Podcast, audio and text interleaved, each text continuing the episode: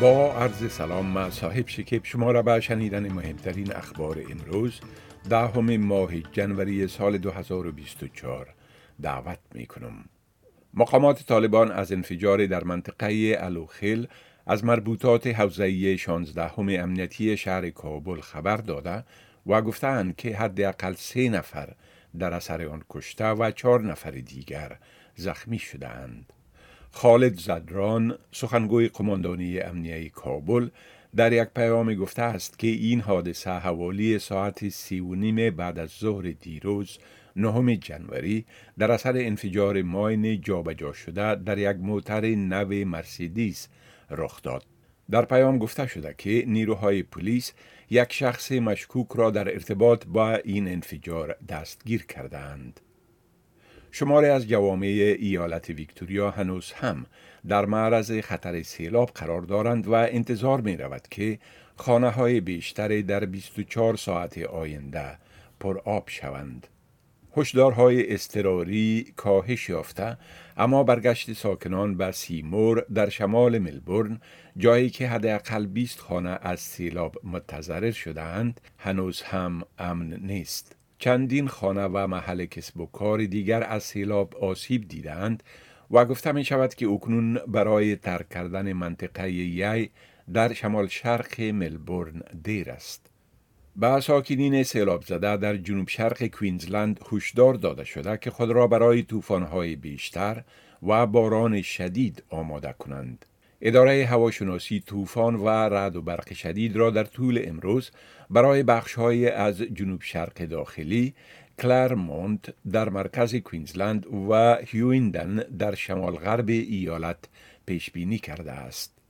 این اداره یک هشدار سیل متوسط را برای دریای پارو در جنوب غرب کوینزلند و همچنان هشدار سیل جزئی را برای دریاهای بارکو، بولو و داوسن صادر کرده است. کریگ امرسن وزیر سابق حزب کارگر در بهبوهه افزایش مواد خوراکه به حیث رئیس بررسی ملی بخش فروشگاه های بزرگ استرالیا مقرر شده است. این بررسی رابطه سوپرمارکت ها با تدارک کننده های مواد و اشیا را در حال بررسی خواهد کرد که سوال های فزاینده درباره تفاوت بین قیمتی که سوپرمارکت ها به تدارک کنندگان می پردازد و قیمتی که مشتریان باید بپردازند پرسیده می شوند. انتظار می رود که توصیه های این بررسی تا اواسط سال به مقامات ارائه شود. همچنان انتظار می رود که یک تحقیق سنا در مورد قیمت های فروشگاه های بزرگ برای مصرف کنندگان در اواخر امسال راه اندازی شود. حزب الله لبنان از حملات تیاره های بی سرنشینش بر یک قرارگاه نیروهای اسرائیلی گزارش داده است. حزب الله می گوید که این حملات در پاسخ به حملات اسرائیل انجام شده که در اثر آنها وسام طویل قماندان حزب الله و سال الاروری معاون سیاسی گروه حماس به قتل رسیدند. اردوی اسرائیل هم با تایید این حملات گفته که یک تیاره دشمن بر یکی از پایگاه های نظامی در شمال اسرائیل حمله کرده اما گفته که این حمله تلفات و خسارات را به بار نیاورده است.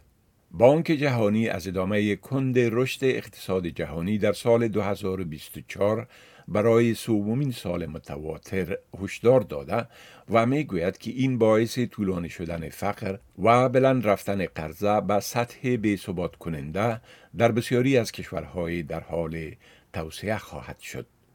این بانک می گوید به نظر می رسد که نیمه اول دهه 2020 ضعیفترین اجراآت اقتصادی در یک نیم دهه در سی سال گذشته را داشته باشد که دلیل آن همگیری کووید 19 جنگ در اوکراین و افزایش جهانی قیمتها و نرخهای سود می باشد.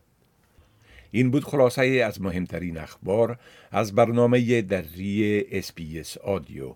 شما می توانید گزارش های بیشتر درباره موضوعات گوناگون را در وبسایت ما به آدرس sbs.com.au دری بشنوید و بخوانید.